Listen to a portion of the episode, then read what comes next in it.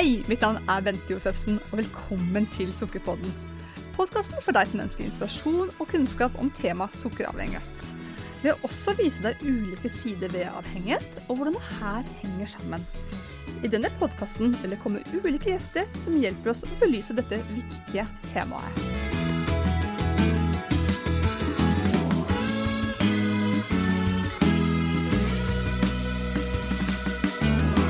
Med meg i dag så har jeg Eili Kristine Hannesdal. Velkommen hit. Hei, takk. Veldig koselig du ville komme, Eili. Veldig hyggelig å få komme også. Så bra. Du er jo både, du er, du er ganske allsidig bakgrunn, vil jeg jo si. Du er jo lege, du er musiker, Mhm. låtskriver, eh, hundeeier. det, var, viktig informasjon. Det er viktig informasjon. Det er mye, mye glede i de dyra, vet du. Det er det absolutt, og det kan vi jo også komme inn på. Og det viser viser seg faktisk også at det er veldig mange med sukkeravhengighet som er veldig opptatt spesielt av hunder. Ikke sant? Ja, Så det er, eh, det er relevant. Det er veldig relevant. Både hunder og hester er jo inne og hjelper til i terapirommet, hvis vi kan kalle det det også. Dyreassistert terapi. Nettopp. Det tenker jeg det er gode grunner til det. Absolutt. Og musikk skal vi også komme inn på i dag. Og du kaller deg jo endorfinlegen, og du har jo gitt ut en veldig spennende bok som heter Høy på deg sjæl. Mhm. Endorfiner som medisin. Som Ja. kom- kom ut av høsten 2020. Riktig. Ja. Midten av august. Mm. Ja, Så gratulerer med den. Takk. Ja, Har du fått eh, bra mottakelse av boken? Jeg har fått veldig mye hyggelige tilbakemeldinger, og det er veldig koselig, for det er både, det er både folk jeg aldri har hørt om, som sender meg meldinger og sier at eh, tusen takk for at du har skrevet denne boka, og at det er nyttig, og at de lærer ting om seg selv, og, og finner nye måter å, å oppleve glede og ja, ting, akkurat det som jeg er opptatt av, da. Mm.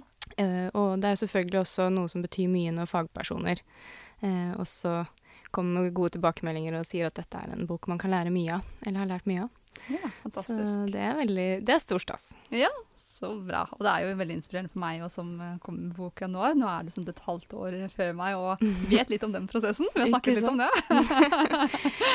Mm, Ja. Går litt i hverandres fotspor. Ja, gjør det. Og måten vi kom over hverandre på, det var jo rett og slett i sosiale medier. Mm. Vi oppdaget hverandre på en eller annen måte på Instagram. Eh, Og da jeg så liksom endorfinlegen, da våknet jeg. Vekket min interesse. Det er jeg veldig glad for. Mm. Ja, så, det var, eh, ja, så da fikk jeg bestille boken din og lest i den, og fant ut at jeg må jo ha deg i podkasten her. Mm. I Sukkerpodden. Strålende. Men kan ikke du først si litt mer om deg selv, Erli?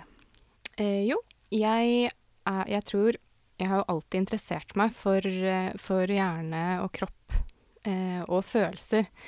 Sånn i utgangspunktet så har jeg vel ikke vært så bevisst akkurat den interessen for følelser. Eh, for jeg har vel egentlig mye av livet mitt først og fremst unngått følelser. Ja. Og på den måten fått erfare at det er ikke noe god strategi. Nei. Nei. Så på den måten da, så fikk jeg på en måte et godt utgangspunkt for å trenge å forstå hva følelser handler om.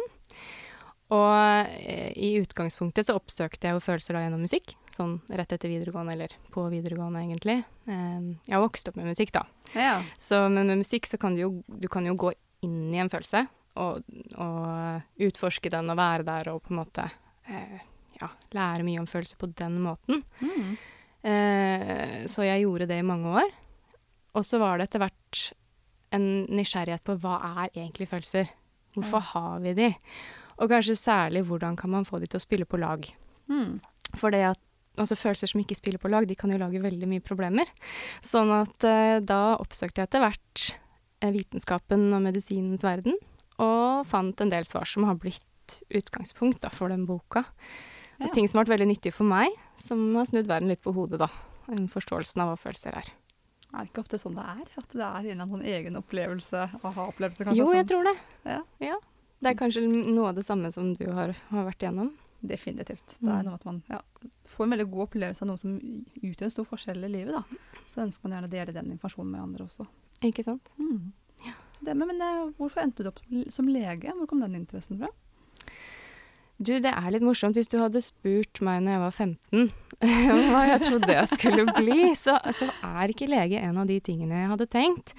Um, men det er nok mest fordi jeg, jeg tenkte liksom ikke at jeg var faglig flink, eller at jeg var liksom eh, Jeg har alltid visst at jeg liker å jobbe med mennesker, og alltid interessert meg veldig for det. Men jeg var veldig sånn eh, eh, når jeg var altså på slutten av videregående, så var jeg veldig sånn Hvis jeg ikke vet hva jeg skal studere, så har jeg ikke tenkt å begynne å studere heller. Så da var jeg veldig opptatt av musikk, og var veldig inne i det, og hadde heldigvis en del muligheter da, i musikkverden. Eh, så da valgte jeg å holde på med det uten å tenke så mye på studier. Ja. Men det var faktisk Altså, det er jo noen ganger sånn Vi har jo aldri hørt dette her begrepet at når en dør lukkes, så åpnes en ny. ja. Og det er jeg opptatt av. Og i, rett før jeg begynte på medisin, så fikk jeg For da var jeg veldig sånn Jeg jobbet masse som servitør, og jeg skulle på død og liv bli veldig flink til å spille gitar. Det har jeg dessverre fortsatt ikke blitt. og så hadde man disse gamle mobiltelefonene, hvis du husker de, hvor man drev og så tasta Ja. sånn der at du måtte trykke sånn fem ganger på den og sånn for å skrive tekstmelding, og alt dette gjorde jeg selvfølgelig med min høyre arm fordi jeg er høyrehendt. Så dette endte jo da etter hvert med at jeg fikk en betennelse på begge sider eh, i, i den armen. Og, og for å gjøre en lang historie kort, så gjorde det at det gikk ikke an å gjøre så veldig mye. Jeg, jeg kunne sitte og lese, eh, eller, eller liksom ja, alt som ikke involverte å bruke armen, da, egentlig. Sånn at eh, da oppsøkte jeg skolebenken og tenkte at jeg, jeg kan jo ikke holde på med det her. Jeg kan åpenbart ikke servere ser, jobbe som servitør eller holde på med de tingene her, så jeg må tenke på noe nytt. Ja. Og da begynte jeg å oppsøke disse fagene, og da gikk det opp for meg at, at eh, kroppen og altså de fagene der, alle realfagene, de trakk i meg. ja. Så det var veldig lett for meg å lære de tingene. Og da ble det liksom medisin som ble Ja. målet. ja men det er, det er jo et yrke som det alltid er bruk for. Ikke sant? Ja, men så har jo ting dreid seg litt. For, hva slags- legevirke har du praktisert siden du var ferdig med studiene? Jeg har vært eh, Jeg har gjort den, den salige blandingen at jeg jobber Nå jobber jeg mye legevakt. Ja. Eh, Men jeg har også vært i psykiatrien, så det er to barne- og ungdomspsykiatrien på den ene siden, og så legevakt og akuttmedisin på den andre siden. ja. Så um, det er jo to litt sånn forskjellige verdener, kan du si. Mm. Um, men jeg syns at menneskesinnet og psykiatri, og kanskje særlig barn og ungdom, er veldig spennende å jobbe med. Mm. Um, jeg tror at det er veldig mye å hente på å forstå hvordan man lærer seg mønstre når man er ung. Ikke sant? Noen er veldig heldige, og så fødes de inn i en eller annen familie hvor man, hvor man har eh, en god forståelse av hva følelser er, og en god tilnærming som gjør at man får, man får en god, et godt forhold til følelser, på en måte. Mm. Men så ser man jo det at det er veldig mange som ikke har det akkurat sånn, da. Ja. Og det trenger jo ikke bety at du har vokst opp i en familie som gjør noe gærent, eller som prøver å gjøre noe gærent, på en måte, men det er så fort gjort at det er noe som går litt i stå. Mm.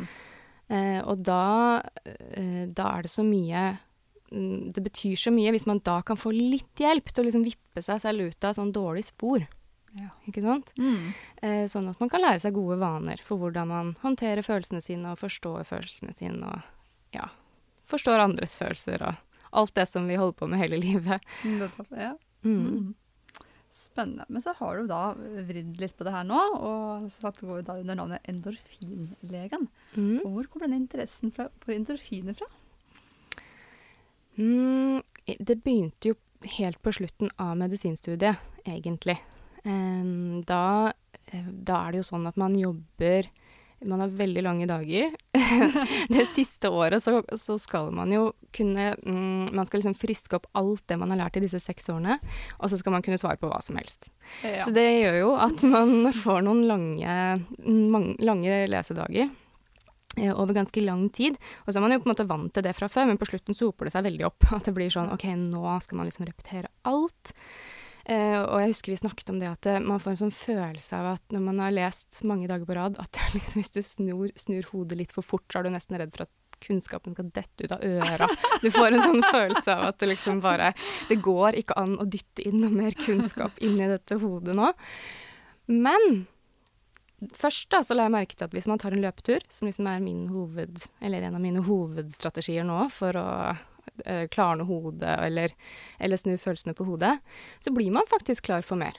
ja. Det er et eller annet som skjer. Både med humør, for man kan jo, man kan jo ryke på å bli litt umotivert eh, midt oppi dette her, når det fortsatt er sånn to måneder igjen å lese hele dagen, og du føler liksom at det er det eneste livet handler om, nesten. ja. Eh, og man kan også føle at det liksom bare ikke går an å lære seg noe mer. Men, men gang på gang så så jeg at det går helt fint. ja. Og så begynte jeg å legge merke til at du trenger jo ikke å løpe en time i skogen. Du kan, du kan løpe ti minutter på en mølle også. ja. Eller du kan trene ti minutter inn i stua eller gjøre yoga. Mm. Eh, Så fant jeg også ut at jo, kanskje hvis du faktisk begrenser en sånn kaffeavtale med noen, eller ringer noen, eller Det er så mange ting da som kan virkelig Selv om du føler først her og nå, så føler du veldig bestemt at 'jeg orker ikke dette mer, nå må jeg liksom bare ha litt pause', eller man er så sliten. Og kan ikke se for seg at humøret kan bli annerledes der og da. Nei. Så blir det faktisk det, hvis man bare gjør det. Nettopp. Og så har man jo mye fascinerende og gode forelesninger på medisinstudiet.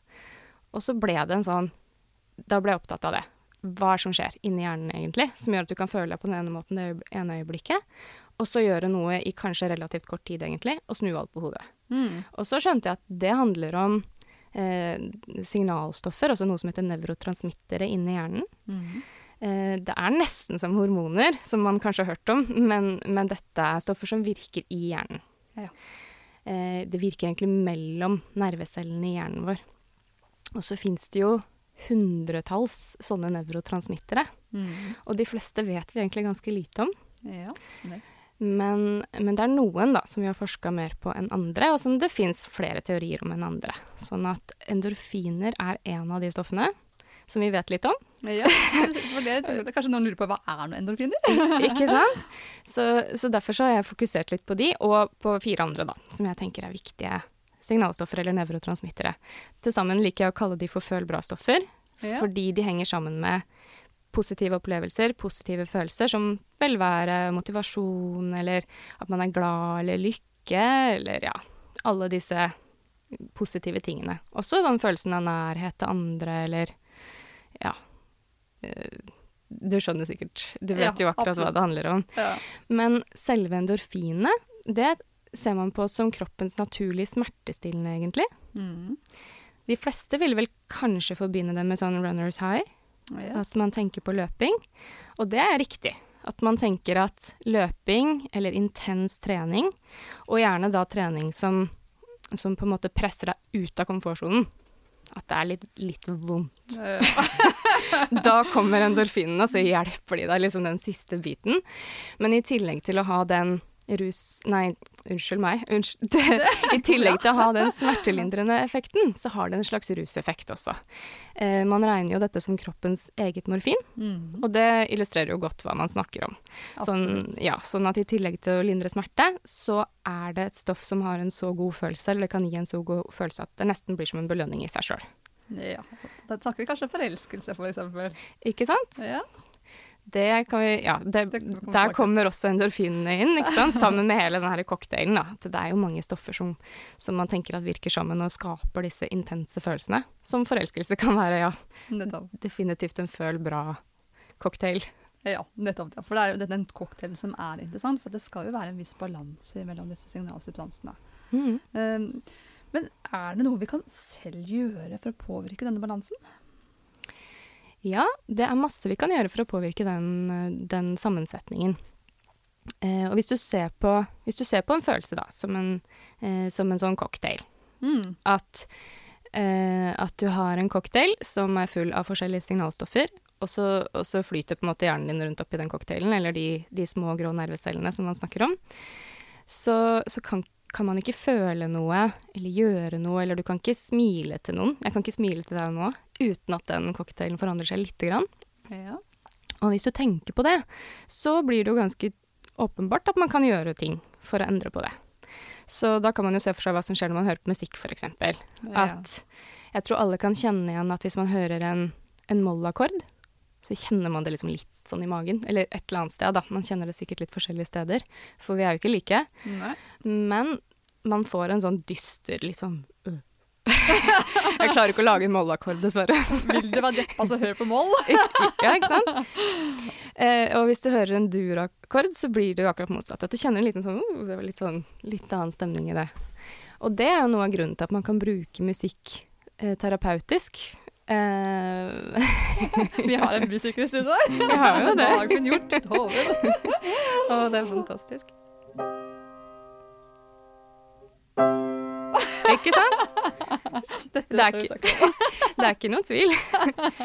Man hører den forskjellen, og det er det som er kult med musikk. Fordi musikk er noe vi har hatt i alle år, ikke sant. Fra leirbålet, fra vi satt der og hva vi nå drev med. Eh, så sang man jo og dansa, ikke sant. Mm. Og musikk og dans er fortsatt eh, noen av de tingene som påvirker den følelsescocktailen vår veldig mye, eh, og som veldig mange bruker, da. Om det er bevisst eller ikke, det, det er sikkert veldig forskjellig. Men det kan brukes bevisst. At hvis man ønsker å føle seg bedre, så går det an å ta, sette på noe happy musikk, og så danse litt. Mm. Eh, Men det jeg skulle fram til, var at musikk er jo akkurat som følelser noe litt sånn nesten abstrakt. Ja. At det liksom er litt sånn uhåndgripelig. Men, men det virker jo i hjernens belønningssenter. Mm. Sånn at hvis du skal bearbeide følelser, så kan du jo bruke ikke bare en mollakkord, kanskje, men en litt sånn melankolsk eh, musikk for å fremkalle en følelse som du trenger å jobbe med. Mm.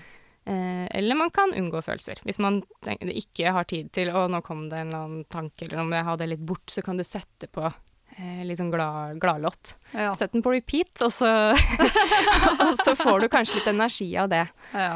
Eller hvis man, sånn som jeg da, som liker å løpe, så syns jeg jo at det å sette på en sånn gladlåt, det kan hjelpe meg veldig å holde farta oppe hvis jeg, hvis jeg har tenkt til å prøve å sette noen nye rekorder.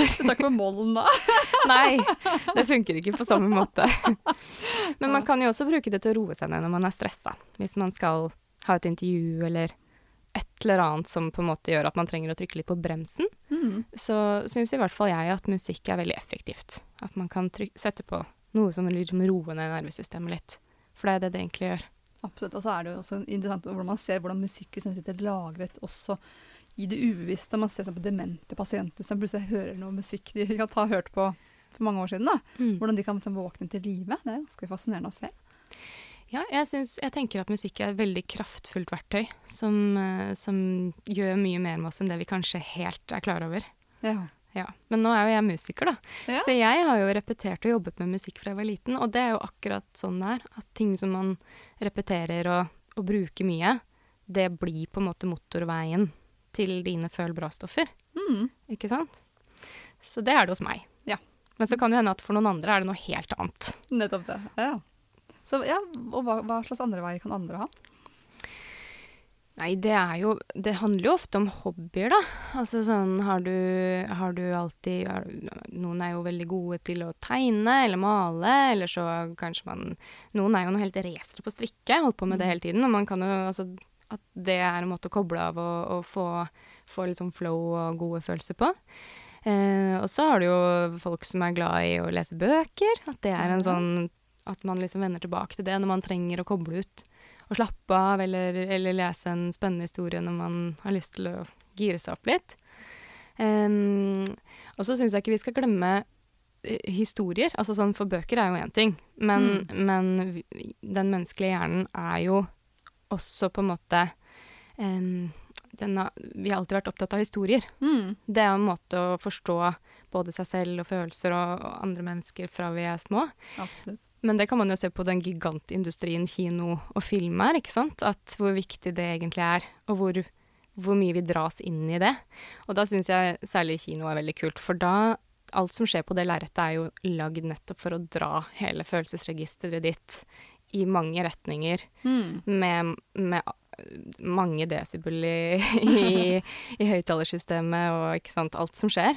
Og det kjenner man jo. Altså, når man sitter på kino, hvordan, hvordan man plutselig blir kjempetrist når det skjer noe, og musikken underbygger det, og så Ja. Og så eh, plutselig så er det skummelt, og så mm. Absolutt. Man kan definitivt manipulere. Altså, vi vet det bare er en historie, men uh, du verden, Ikke sant? det gjør noe med oss. Så det å gå på en komedie, da, hvis du er, hvis du er uh, trist, det kan godt snu verden på hodet, det. Så, Absolutt. så det er veldig mange måter å gjøre det på. Eh, hvordan, man, hvordan man finner gode følelser når man trenger det. Mm. Det er egentlig ingen begrensninger. Nei. Nei. det er fantasien som begrenser oss uh, i så fall. Ikke sant? Men det er forskjell på det som du også holder på med å jobbe med. Da. Det er forskjell på de tingene som føles bra, men som også ø, kommer med positive helsegevinster, og som er bra for oss på sikt, og de tingene som ikke blir det. Og så er det jo til og med litt vanskelig grense, for det alt kan Altså alt med måte er jo en fin leveregel. Altså selv trening kan det jo bli for mye av hvis det blir Man kan bli avhengig av det òg, Det sant? kan man faktisk. Det riktig. og det beskriver du også i boken din. ikke sant? Det her med altså når, når ting blir problematisk. Mm. Eh, så jeg tenkte, på- For du har skrevet litt om dette med sosiale medier. Det er jo, det er jo veldig relevant i disse dager. Hvordan Mm. det her kan gi belønning for oss. Kan du si litt om det? Jo, jeg, ehm, jeg tenker jo særlig nå, da, i lockdown og eh, hvor man kanskje fort kan bli mye aleine. Mm. man, man er kanskje mer isolert fra familie og venner enn det man trives med eller helst vil, da. Eh, så er det jo veldig fort gjort at man, man automatisk og kanskje ubevisst finner de belønningene man kan rundt seg. Og hvis man ikke har et bevisst forhold til det, så vil jo sosiale medier Det kan jo alle kjenne. Jeg også gjør det. Jeg kjenner at det er veldig fort gjort å bli dratt mot den mobilen. Og sjekke Facebook og se om det er noen likes eller et eller annet som skjer, ikke sant. Og det, det er jo fordi idet du um, Idet du har opplevd det noen ganger, at det skjedde noe på mobilen, Mm. eller du har fått en like, eller noen har kommentert eller gitt deg en oppmerksomhet for et eller annet som er positivt, da, så får du litt sånn føl bra-stoff-utskillelse. Eller da er det jo dopamin man tenker først og fremst på. Mm. Eh, Men det gir jo en veldig god følelse. Absolutt. Og selv om man kanskje ikke det, det, Man tenker sånn Det varer jo ikke så lenge. men, men hjernen vår, den er jo litt sånn at vi har den kloke, bevisste eh, menneskehjernen som vi på en måte tenker med, og som vi har mm, Den oppmerksomheten som vi har her og nå. Og så har man en sånn nedarvet del som, som vi har fått med oss fra forfedrene våre, da. Eh, og det er jo ikke alltid at man er helt bevisst hva det egentlig er den belønner. Nei. Nei. Sånn at øh, Og, og den hjernen, den er, den er ofte også opptatt av kortsiktig belønning, Mm. og foretrekker det fremfor langsiktig belønning. Og det er jo noe av det som gjør det så vanskelig å avstå fra en eller annen vane du allerede har, som f.eks. spiser sjokolade. Det vet jo du alt om. Det, gjør Fordi Jeg har bok om det. Ikke sant? eh, og det er jo ikke noe uvanlig problem å ha. Jeg er veldig glad i sjokolade selv når jeg er stressa. For hjernen min tenker sånn Ja, kan du ikke bare ta litt sånn sjokolade? Det har jo funka før. Eh, og da blåser hjernen min i at på sikt så er det ikke noe lurt å drive og spise sjokolade hele tiden for å føle seg bra. Mm. Så det derre korte blaffet av at det lindrer og gjør at du føler deg litt bedre, selv om det, det er et blaff, ikke sant? Veldig blaff. det, det er nok til at hjernen din, hvis ikke du bruker den kloke, bevisste hjernen din til å legge andre planer og strategier og overstyre, så er det nok til at du kanskje repeterer det igjen og igjen. Og sånn er det jo ofte med mobilen og Facebook òg, at man tenker ikke over det. Man bare, man bare strekker seg etter den og ser på den. Og så kan, jeg kan gjøre det når jeg er stressa. At jeg virkelig kan si at nå, bare, nå sitter jeg med den i hånda, jeg vet nesten ikke hvorfor, hvordan den havnet der engang. Men jeg bare sjekket mailen da, igjen, uten at jeg venter på noe mail eller Men det som er så trist med det, er at man går jo glipp av alt det andre. Man går jo glipp av alle de positive, konstruktive måtene man kan få føl bra-stoffer som på en måte varer over tid, da Mm. og som, og som kommer med de positive helsegevinstene. For du kan jo ikke akkurat si at, at det å sjekke mailen eller mobilen hele tiden kommer med så mye positivt. For 200 ganger den dagen. Ikke sant? Det kan hende det hadde gått greit om du bare sjekka den et par ganger, liksom. ja, Eller i hvert fall i kontortiden, eller Nå tenker jeg at det, så- sånn Når man ser hvor mange timer mange mennesker da bruker på skjermer, da, det er jo helt enormt. mm, Og så da spør jeg, men hva så du på den skjermen i går? mm. Husker du det? Nei, jeg er ikke sikker, jeg også. Jeg husker noen ting, men jeg tror mesteparten av det husker jeg ikke. Nei. Om ti år så er det i hvert fall helt irrelevant. Men den tiden vi eventuelt bruker med andre mennesker, eller vi går tur med hund, og, ikke sant? Mm. det husker vi jo litt lenger. Det blir noe helt annet. Ja. Ja. Og det er eh, vi, er jo lagd Eller hjernen vår er skrudd sammen på en sånn måte at vi eh, kan koble oss på hverandre. At Mm. vi kan koble oss på andre mennesker. Og dyr, da. Det er jo derfor vi kan bruke de, de dyrene sånn som vi gjør, både i terapi og at vi, at vi har hu, husdyr. Mm. Eller kjæledyr, da. Det er kanskje ikke helt det samme med husdyr som kjæledyr, jeg vet ikke. Hester er kanskje ikke husdyr, men kjæledyr, eller? Åssen er det? Jo, men det er jo, vi har jo altså, nå aldri, Jeg har ikke vokst opp på gård, men man har jo alle hørt om disse barna når liksom, grisen skal slaktes, at det var ikke så stor stas Nei. når husdyret plutselig skulle bli mat. Og det er jo fordi man har fått en relasjon til det dyret. ikke sant? Ja. Eh, og jeg tenker at det handler om at vi har den hjernen som, som kobler seg på andre vesener. Og det skjer ikke på Facebook. Nei. Selv om man kommuniserer og har at det er noe som skjer der, så er det noe helt annet å koble seg på et annet menneske enten face to face eller i hvert fall på telefon, hvor man kan høre stemmen og ja, være litt mer til stede. Og det er jo um, Jeg syns jo det er veldig fascinerende. Sånn alle levende skapninger, i hvert fall som har en viss Hva skal jeg si, som er liksom litt avanserte, kommuniserer jo. Uh, og, men vi som mennesker, vi bruker ikke bare syn eller eller lukt, eller at vi kan berøre hverandre. Alle disse tingene som kan påvirke nervesystemet veldig mye. Eh, og vi lager ikke bare lyder, vi bruker ord. Mm. Og det, det, gjør jo at når man setter seg ned, hvis man f.eks. har det vanskelig, eh, og ser en annen person inn i øynene, og, og, snakker og forteller om hvordan man har det, og det blir tatt imot på en ok måte, så regulerer man jo hverandres nervesystem veldig mye. Og nå, da, i den tiden hvor vi er i lockdown, og det er kanskje veldig mange vanskelige følelser, så tenker jeg at det er kjempeviktig å bruke det, og ikke, altså ikke gå glipp av at man heller kan ringe noen mm. enn å sitte og sjekke mobilen, da. Nettopp. Selv om det er veldig vanlig og fort gjort. Det er ikke noe det er ikke noe rart at man gjør det, men det er kanskje ikke det lureste man gjør. Altså, men jeg har et inntrykk av at mange, i den liksom, yngre generasjonen nå liksom nesten er liksom, litt sånn telefonskrekk. At de er ikke så vant til å ringe. At alt går i meldinger. Ja, det er kanskje sant. Ja, Så det er sånn, et eller annet som mangler der. Ja, det har jeg ikke tenkt på. Nei, sjekk ut det. Kanskje, kanskje du har et poeng. ja. Nei, for det jo det å høre stemme også, mm. er jo eh, noe som påvirker oss veldig mye. Ja. Og jeg syns jo jeg syns det der er veldig fascinerende. Hvordan Hvis man ringer noen og, og, snakker sammen, så kan man jo Altså egentlig, som vi snakket om når vi snakka på telefon, så påvirker man hverandres nervesystem. Mm.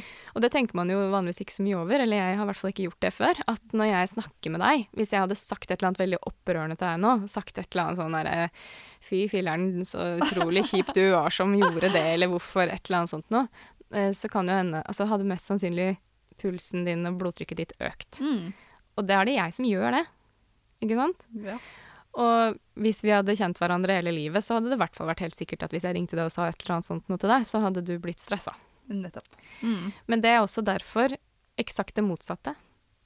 Det, det, hjelper oss å roe oss ned, og det, det betyr veldig mye for hvordan kroppen har det, og hvordan sinnet har det. Og særlig over tid, da. Så det er derfor det er så viktig i disse tidene hvor ting er så vanskelig. Ja. At man tar vare på hverandre og hjelper hverandre med det. Mm. Veldig godt sagt. jeg tenkte også litt på det du sa om at vi kan eh, altså, Hvis vi føler oss nedfor og deppa, så har vi så lett for å tro at det aldri går over. Altså sånn, det er sånn, mm. Den mentale rullegardinen går jo bokstavelig talt ned. mm. Den gjør det. Ja, og det, det, å forstå at dette livet er ikke dårlig, men det er bare en dårlig dag eller et dårlig minutt. Eller, men det er å mm. snu om da, og bruke altså, fake it to make it. Det er, det er noe med det. Ja. Det er noe med ja. det, faktisk. Mm. Ja, det der, jeg syns jo det er veldig kult. Det, og jeg syns det beste eksempelet er at vi er vant til å tenke at man smiler når man er glad. Ja. Men du kan gjøre det motsatte også. Hvis man bestemmer seg for å bruke ansiktsmusklene sine for å på en måte klistre på et smil, ja, det blir jo sånn fake it till you make it, uh, eller ja, så lurer du på en måte også hjernen til å tro at den er litt glad. Ja. Og det er jo mye av grunnen for sånn latteryoga eller forskningen bak det at, mm. det at, det. kan ha noe for seg. Fordi man på en måte, når man gjør det, så stimulerer du Altså da bruker du egentlig ansiktets sensoriske nervesystem til å sende signaler tilbake til hjernen, som på en måte forteller hjernen sånn Ja, men altså, dette er jo ikke så gærent. Nei. Jeg smiler jo. Nettopp. Uh, så det, det syns jeg er veldig fascinerende. Um, og nå hadde du et spørsmål inni der, egentlig. jeg tror jeg bare så ble jeg så opptatt av det smilet, siden du sa akkurat den uh, med 'fake it till make it'. Nei, det var vel, det var vel inn på det her med hvordan man kan man, altså manipulere seg selv på en positiv måte. At Hvis man føler seg nedfor og man tenker at det her vil jo aldri gå over, og at man faktisk kan liksom snu det her med bevisste teknikker. ikke sant? Ja, det var det ja. du sa. Ja, for det, det er også noe eh, noe som er veldig kjent, at når man har en dårlig dag, eller hvis, man, hvis det er blitt så, den er så dårlig, holdt jeg på å si, eller har vært så mange dårlige dager at man er deprimert, så er det jo kjent at når man først har det sånn, så blir hjernen så veldig god til å finne flere grunner til å føle seg dårlig. Ja. At man finner, men kjempegod til å finne grunner til å føle seg veldig trist. Og hvorfor ting er så vanskelig. Og ingenting virker jo mulig, ikke sant. Mm. Men men så er det også motsatt. At hvis man først klarer å, å få hjernen over i et bedre humør, så er man jo kjempegod til å finne gode grunner til å ha det bra. Nettopp. Finner man mange grunner til det. Da virker jo alt veldig lett, alt er plutselig mulig, og ja, jeg, jeg kjenner meg veldig igjen i de, de beskrivelsene selv, og det er jo rett fra fagbøkene, ikke sant, at man vet det. Absolutt. Og det er så viktig å huske på det, sånn som du sier, hvis man først har en dårlig dag. Bare husk på det. At Ja. nå driver hjernen min og lurer meg med å farge alt svart. Mm. Det er egentlig det den gjør. Og, men hvis man først klarer å snu det, så vil det endre seg. Og mest sannsynlig så føles det bedre i morgen. Som oftest gjør det det. Som oftest. Hvis det går over. Og det interessante er at veldig mange mennesker med sånn avhengighetshjerne har en sånn sort-hvitt tankesett. Og Derfor så trener vi våre liksom, kursdeltakere på nettopp det her med å hver dag jobbe med takknemlighet. Mm. Og det er noe med det her å skape de nyansene i livet. At hvis det er én ting går gærent, så trenger ikke livet å rase sammen. Nei, For det har, man lett, den, det har den hjernen lett for å gjøre da. veldig. Ja, og da Det er jo en veldig god grunn til å spise. Ikke sant? Ja, for da er jo alt kjørt likevel. Da er alt kjørt. Nettopp det. så det å trene, trene og manipulere hjernen litt sånn bevisst på en positiv måte, tenker jeg kan være, være litt lurt, da. Ja, og det er der jeg tenker at det finnes så mange måter man kan snu humøret på. Om det er å kose med en hund, eller om det er å løpe en tur, eller om det er å høre på musikk, eller om det er å eh, tegne eller lese en bok, eller gå på kino, eller hva det måtte være. For vi er forskjellige, ikke sant. Så Mm. det, det som funker for meg, funker kanskje ikke for deg i det hele tatt. Um, men det er verdt å leite, fordi plutselig så finner man et eller annet som virkelig kan gjøre at du kan lære deg å snu dagene dine. Og Mm. det, det betyr mye. Det betyr veldig mye. Og det er det som også er utfordrende man, hvis man lever veldig lenge i en avhengighet. Så begynner hjernen å miste interessen for disse naturlige belønningene. Mm. Finner ikke gleden ved en solnedgang, eller se barna leke, eller snakke med en venn. Da er jo hjernen bare opptatt av neste kick. Så Mm. da trener vi også opp, dem opp på det med å stå i det. Mm. Fortsette å gjøre det. For plutselig så blir det gøy igjen. Mm. Ja, men det er akkurat det der, fordi det var det jeg sa med motorvei òg, ikke sant. At den derre avhengigheten, den har man liksom repetert. Man har gjort det samme igjen og igjen og igjen. Eh, og på en måte bygget det, Man bygger jo egentlig eh, koblinger mellom nerveceller i hjernen Mm. når man gjør det. Sånn at noe du har gjort veldig, veldig, veldig veldig mange ganger Det blir jo en sånn 14 Jeg vet ikke hvor mange motorveier man kan ha en sånn felt man kan ha. Det er vel en eller annen i Kina eller noe sånt noe som er helt vanvittig. Men, men det blir Altså, den veien der utkonkurrerer jo alle disse små bekkene eller stiene eller hva de andre alternativene måtte bli, ikke sant? Akkurat sånn som du sier. Og det gjør det veldig vanskelig. Det blir definitivt minste motstands vei, da Mm. å velge det. Og derfor så krever det jo en plan, eller hjelp, eller et, i hvert fall forståelse. Det som tenker jeg hjelper ofte å forstå at OK, dette føles veldig ubehagelig akkurat nå, å avstå fra min motorvei. Det er kjempevanskelig, for det føles jo ut som ikke gjør noen ting. Mm. Og det er ikke noe lett i det hele Nei, tatt. ikke sant? Det gjør det som oppleves helt meningsløst. Ikke sant? Og det kommer gjerne også med sånn voldsomt ubehag. Mm. eller tomhetsfølelse, eller veldig sånn vanskelige følelser. Eh, men å vite at det er midlertidig, jeg må bare jeg må stå i det, som du sier, mange nok ganger, og kanskje bygge en annen motorvei Mm. som kan erstatte eller liksom konkurrere med den derre ja, mangefelts, kan vi kalle det. For hjernen er jo formbar, og det så Mhm. skriver du litt om i boken din. Mm, Ja, plastisitet, plastisiteten i hjernen. mm, Så det, det, og det er det positive her. at for Før hørte man jo at liksom, man var født med et visst antall hjerneceller, og så i løpet av livet så liksom, døde flere og flere og flere. Og er Litt sånn deprimerende tanke. ja, så det er jo positivt da, å vite at vi kan faktisk påvirke hjernen vår. Mm. Jeg blir veldig motivert av det, jeg, og, og jeg syns jo det er noe av det jeg tar med meg fra barne- og ungdomspsykiatrien også. Eller at, eh, som jeg sa i stad, at fra man fødes, da, og til man til hjernen er ferdig organisert og utvikla, som er sånn rundt 25 års alder, så skjer det jo vanvittig mye. Og det dannes så mange sånne koblinger mellom disse nervecellene. Eh, og det er jo noe av grunnen for at man lærer så utrolig fort. Sånn Mm. at hvis man f.eks. da driver og spiller piano eller, eller strikker eller vet ikke, står på ski Det er også Ja. en sånn ting som ikke er så fryktelig lett å lære seg fort når du først har blitt voksen. da. Nei, Det er veldig irriterende. Jeg har, har selv erfart det der å liksom eh, litt sånn sent skulle lære meg det, og så gå med sånn Tenke at jeg er ganske godt trent og en grei liksom, grunnform, men allikevel gå med makspuls opp en slak bakke bak en sånn 90-åring som kommer liksom sånn i full fart og liksom sikkert har hvilepuls, da. Og det handler jo om det der at når du har gjort det når du er liten, så har man laget så mange motorveier til det, så man trenger ikke å tenke så mye på det, og det føles bra. Mm. Mens når du skal lære deg noe nytt når du er voksen, som er veldig mulig, da, ikke sånn som du sier, så må man kanskje bare ha litt mer plan og litt mer tålmodighet. Men hvis man gjør det, så kan man plutselig finne på en måte flere bein å stå på, som gjør at man kan, når man trenger å snu en, en dårlig dag til å bli en god dag, så kan man bruke det. Mm. Og det funker. Det funker. Mm. Nettopp det. Så bra. Og så hadde jeg lyst til å komme litt inn på dette med, dette med forelskelse, for det skriver du så fint om i boka. hva, det så, hva skjer når vi liksom møter, og så blir vi sånn helt altså sånn, altså Kjærlighet gjør blind, er det et uttrykk som heter. Mm. Ja. Ja, det er mange uttrykk om kjærligheten som, som sier noe om det der. Og det fins vel få temaer som det er skrevet så mye om, og så mange dikt og sanger, da, altså musikk. Ja.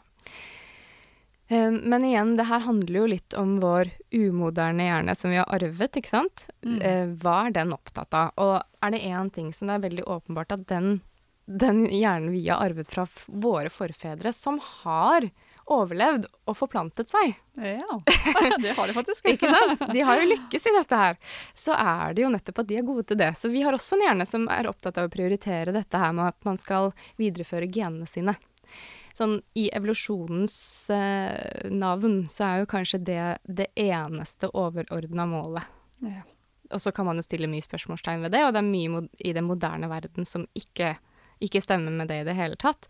Men hvis man, skal, hvis man spør den gjerne Altså de koblingene som du har fått med deg som handler om det, eh, så er det det eneste viktige, ikke sant. Og, og, og det tenker jeg er mye av grunnlaget for at akkurat kjærlighet er så intenst.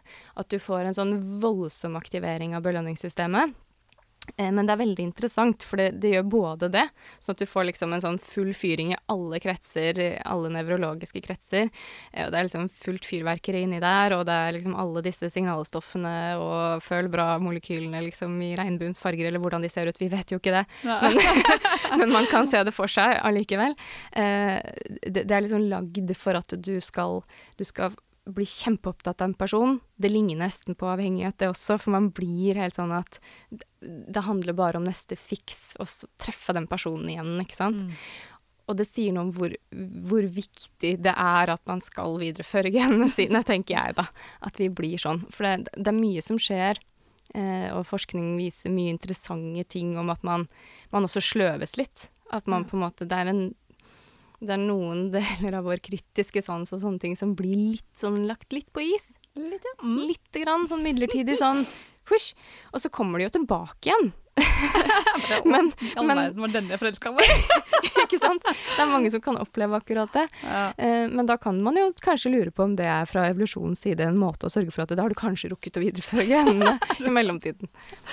Men her er det jo ikke noe fasit. Men, men jeg tenker jo at alle sånne Altså de som forsker på velvære, sier jo også det at hvor Altså man ser jo det at hvis man blokkerer for um, Hvis man blokkerer for noen av disse følbra-stoffene, så ser det ut som det kommer noen andre stoffer kanskje gjør jobben likevel. Ja. At det finnes noen sånne backup-planer, da, hvis man kan kalle det det. Og det sier noe om hvor viktig velvære er. Mm. Fordi akkurat sånn smerte, som jeg egentlig er opptatt av, da, med endorfinen og som er smertelindrende, og at jeg er opptatt av at i smerten så finnes det en slags nøkkel. At veien til de gode følelsene går ofte gjennom de vonde. Mm. Eh, så, så må man på en måte bare ja, nå datt jeg faktisk litt ut. Den må du kanskje klippe. Det går da fint. Ja, det var bare jeg som kom på endorfin og smerte plutselig. Hvor var jeg før det? Ja, det var, det var relasjoner og um, forelskelse. Vi får se når vi spoler tilbake. Ja, Her, jeg hadde sånn kjempepoeng skjønner du, som jeg skulle fram til. Ja, det er alltid kjedelig å miste poenget. Ja, men det er sånt som skjer. Ja. Det kan være at du kommer tilbake. Ja, jeg drev og snakket om ja, Det bare datt helt ut i det jeg sa smerte, for da kom jeg på så mye annet jeg ville si. Kjærlighet kan jo bli en smerte. Det kan bli, Kjærlighet kan bli mange ting, da. Ja. Eh, jo, men det var vel dette her med backup-planer. Backup-plan, der var vi. Ja. Ja. ja. Eh, at man eh, Når man Jo, fordi hjernen din bruker jo egentlig belønningssystemet på en måte til å markere ting som er positivt og negativt for Mm. deg. Og man kan se for seg det som en, en Jeg liker å kalle det for en slags sånn indre dopdealer som driver og skal hjelpe deg å navigere i verden. Ja. Det er jo egentlig det det handler om, hvis man gjør det litt enkelt. Eh, man ser jo sånn enklere skapninger også. De har jo også en sånn gass og en brems, at de på en måte Jeg vet ikke om vi skal si at de føler uh, glede og frykt på den samme måten, men uh, at man blir redd for å bli spist, da. Mm. Og så blir man veldig glad når man ser mat. Ikke sant? Mm. Og det er mye, Absolutt. selv om vi har litt flere Vi har, litt, litt, vi har et stort følelsesregister, så er det jo mye det det handler om. Og velvære er en veldig viktig markør, på en måte, for å styre oss i retning av ting som er bra for oss, sånn egentlig. Sånn egentlig. ja. Sånn Egentlig. egentlig. Men det som vi snakket om, Ja. kan jo Når det bikker over en avhengighet, så kan dette bli litt feil. Og det er jo det som også ser, eh, ser et mønster i. Det er jo at det er veldig mange som altså med avhengighet, om det er til sukker eller alkohol, piller osv., så, videre, så har man ofte en kombinasjon av flere det vi kaller utløp. At man kan ha en kombinasjon av nikotin, alkohol, sukker, shopping, sex, med oppmerksomhet osv. Uh, og det er ikke helt uvanlig at mennesker som går til for parterapi fordi den ene part har vært utro, så viser det seg at oi, det ligger noe mer her. De har kanskje f.eks. avhengighet til alkohol også. Mm. Og denne utroskapen da handler nettopp om denne å få bekreftelser og disse rusha endorfiner, blant annet. Ikke sant? Mm. Eh, som da blir så sterkt, da. Mm. At de, til tross for at de vet det er galt, og de egentlig er kjempeglad i partneren sin, så handler det jo mot sin egen vilje. Mm. Og det er akkurat det, for det er veldig sterke krefter. Mm. Definitivt.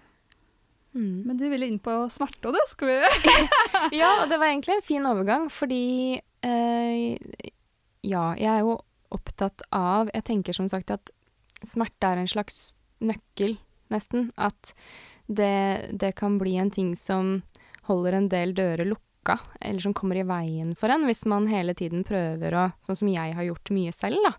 Eh, hvis man prøver å unngå, eller ikke spørre 'hvorfor gjør det vondt nå', hva er det som gjør vondt, Hvorfor, Mm. hva kommer det fra? Hvis man hele tiden isteden unngår det, så blir jo det, hvis vi skal gå tilbake til dø de dørene, da, at en, en, en dør som lukkes eh, åpner nye dører, så lukker du jo egentlig ikke døra. For det blir jo som å prøve å liksom lukke en, en sånn eh, Hva skal man si, et sånn skap, da, fullt av klær som du bare som du stapper inn der, liksom. Og den døra vil jo ikke igjen. Fordi du forholder deg ikke til det som er inni der. Ehm, men Og det koster jo veldig mye energi. mm. Og sånn som du sier, man går med sånn underskudd. Energiunderskudd, og kanskje vi kan si det litt sånn enkelt, da, litt sånn belønningsunderskudd. ja. Uh, og, og derfor så er det så viktig å gjøre akkurat det motsatte. At man tør å se på hva er det som gjør vondt, hvorfor gjør det vondt. Mm. Uh, kanskje også lære seg å stå i det, sånn at man kan finne mestringsstrategier for å håndtere at det er vondt. Mm. For det er jo ikke alltid eh, Det er jo ikke alltid at man kan ta det helt bort heller. Ikke Nei, sant? Så livet skjer jo sånn sammen. Det gjør det. Ja. Eh, men det å vite hva som er inni skapet, sånn at det slipper å liksom ramle ned i hodet på deg hver gang du kommer borti den døra Sånn at alt liksom kommer ut samtidig, akkurat når du ikke trenger det. Det er veldig kjekt. Så i psykiatrien så snakker man jo der om at man tar ut alle plaggene og bretter de sammen og ser litt på dem, og så legger dem inn igjen på et sted, sånn at du vet hvor de er. Og så kan du liksom Man kan ikke ikke forholde seg til dem, men du kan i hvert fall velge å holde skapet litt igjen hvis du trenger det, og så fokusere på noe annet. Og det er en veldig stor forskjell. Absolutt. Så, og der har jo jeg også Jeg har også litt erfaring med det. At um, når jeg holder på med musikk, så synes jeg Jeg, jeg vet ikke helt hvor, akkurat hvor det kommer fra. Jeg tror det er ganske vanlig at man fra videregående, eller sikkert har hatt noen sånne skoleopplevelser med, med og, noen sånn foredrag eller et eller annet som gikk litt dårlig. At det kan begynne med det. Ja. Eh, og så har det liksom Det er noe som jeg absolutt ikke gjorde noe med. Og når jeg holdt på med musikk, så var det veldig sånn eh, Jeg er jo eh, vokalist og låtskriver. Og syns at å være i studio og sitte og, og spille inn og lage musikk er helt fantastisk. Men hvis jeg måtte gå opp på en scene, og særlig hvis noen dytta en mikrofon opp i ansiktet på meg og jeg måtte si noe, da kunne jeg nesten Jeg tror ikke jeg kunne Altså, jeg kunne nesten ikke si hva jeg het. Altså, jeg fikk helt sånn huh. Og da har du jo sånne ubearbeida følelser da, som, som jeg ikke ville forholde meg til, Ja. som kommer og på en måte Det blir jo en fryktrespons. Mm. Som gjør at altså kroppen min oppfører seg som om jeg blir jagd av en tiger, ikke sant? Mens egentlig så er det jo helt ufarlig, den situasjonen jeg er i. Men det gjør det veldig vanskelig å tenke klart. Ja. Eh, og istedenfor da å prøve å tenke sånn, hva kommer dette av? Eh, og, og forstå at denne følelsen kommer til å komme hver gang jeg setter meg selv i denne situasjonen. Mm. Så det er kanskje bedre å prøve å lære seg å håndtere det, og finne ut hvordan kan man gjøre det annerledes, sånn at det faktisk går fint. Eh, så ville jeg ikke forholde meg til det i det hele tatt. Og så ble det da på en måte bare verre og verre. Og sånn er det jo med mange sånne ting. Mm. At det å stoppe opp og, og tenke OK, snu deg rundt, ta det der monsteret ut fra under senga, og så se litt sånn hardt og lenge på det, og så finne ut hva er det her. Hva, hva prøver du å fortelle meg? Hva prøver du å fortelle meg? For det lager så mye problemer når man prøver å stappe det inn under senga og holde det der. Det, det går ikke. Og det, det gjør ofte at man blir stående liksom på samme sted og ikke kommer videre, eller går i sirkel, eller liksom har sånn mønstre som man aldri kommer ut av. Så skjønner man kanskje ikke hva det handler om engang. Mm. For man har jo ikke åpna døra. Nei. Nei. Det er noe med det. Og det er det jeg mener med smerte. At det er, det er, noe, det er noe med smerte som er en nøkkel, ofte, til å Mm. kunne komme videre. Hvis man står fast, da. Hvis man står fast. Ja. Det er det. Å få- å få- å få få løst det. Det er utrolig viktig. Mm. Det, tiden gikk jo utrolig fort sammen med deg. Vi kunne jo spilt Ja, en det må jeg podcast i timevis. Har, det, har den gått allerede? Ja. nærmer seg i hvert fall litt. Uh, jeg tenkte litt sånn, eh, litt mest, Vi går mot en avrunding, da, si. For du skriver litt i boka di om noen, sånn- noen tips og noen triks. For du er litt, litt inn på dette med sollys, og litt står det om noe kalddusj. Og så har du noen sånn konkrete tips til liksom, hva kan vi gjøre selv? Bare for å oppsummere litt, da, for å få det bedre. Når vi, dagen er mørk og alt virker trist og leit, hva kan vi gjøre da selv? Um, litt forenkla, hvis vi skal begynne som på toppen, så er det hovedsakelig to ting man kan gjøre for å endre hvordan man føler seg. Og noen ting virker litt sånn på kort sikt, som mm. brannslukning her og nå. Og andre ting virker jo mer over sikt, som han, på, på sikt mener jeg, som handler om vaner som sånn hvor mye man sover, eller hva man spiser, eller eh, hvem man henger med, og hvordan man gjør det, og sånne ting. Eller om man har hund eller ikke, f.eks. men, eh, men disse her kortsiktige eh, triksene, de er jo veldig nyttige når det først brenner, da, Ja. vil jeg si. Og, og da kan man hovedsakelig bruke kroppen sin, eller så kan man bruke tankene. Mm. Eh, og kroppen er det jo veldig kjent at man kan bruke f.eks. til trening. ja. Ja, det er, eh, det er jo veldokumentert, og alle vet det, at det funker bra. Eh, men det er kanskje ikke så kjent at man kan trene for humøret, eller sånn at, at det å ta en kort treningsøkt Jeg gjør ofte det selv, at hvis jeg, hvis jeg trenger litt energi, eh, så tar jeg en kort treningsøkt rett og slett fordi jeg vet at da får jeg hjelp av føl bra-stoffene og hormonene til å frigjøre energi og, og klar, klargjøre hodet for mer, og, og på en måte at det endrer humøret, da. Um, men jeg er jo også veldig glad i kalddusj. Ja. sånn metaforisk eller Glad i. Jo, men jeg har blitt glad i det, faktisk. Og det er fordi at jeg har brukt det nok til at, eh, at jeg vet på en måte hva som kommer, da. Ja. Og jeg vet også hvilken fantastisk effekt det kan gi. Og det betyr jo ikke at det funker for alle, men det er mange som bruker kalddusjen, og som, som blir veldig glad i det. Og det handler om det samme. altså sånn For min del, hvis jeg har litt sånn hodepine eller føler meg litt sånn trøtt og trenger liksom en sånn oppfriskning, da, trenger å liksom få litt sånn øh, komme ut av den der, så tar jeg den tre minutters kalddusjen, da. Du så tre minutter sammenhengende i kaldt vann. Men da har jeg øvd. Altså det vil si, jeg har trappet opp. Så jeg vil ikke anbefale å begynne med tre minutter, eh, men å kanskje begynne med 30 sekunder. Ja, det er en god start. Og så bygge seg opp. Og da dusjer jeg liksom først vanlig, og gjør meg ferdig med det i varmt vann, ikke sant. Og så tar jeg det til slutt. Ja. Ja.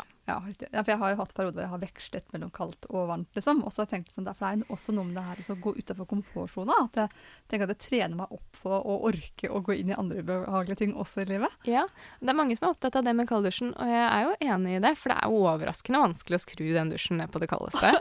ja. Eh, ja. Og man får jo et sjokk. Det er jo alle, alle kuldesensorene i huden din sender et samla signal til hjernen din som er sjokkarta.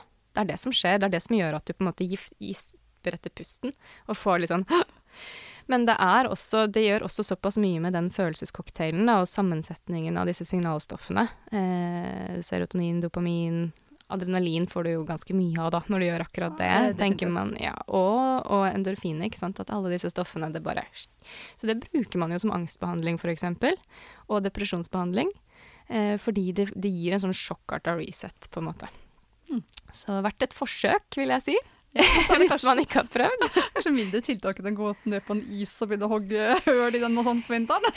Ja, jeg vil jo si det, og jeg har blitt veldig glad i altså, sånne ting som du vet at OK, nå er jeg skikkelig demotivert og trøtt og kanskje sur, eller hva det måtte være, og så ser jeg på klokka og så kan jeg tenke sånn OK, hvis jeg gjør det nå, da er jeg ferdig om fem minutter eller ti minutter eller en halvtime, eller Da blir jeg ofte sånn OK, greit, jeg skal gjøre det. Ja.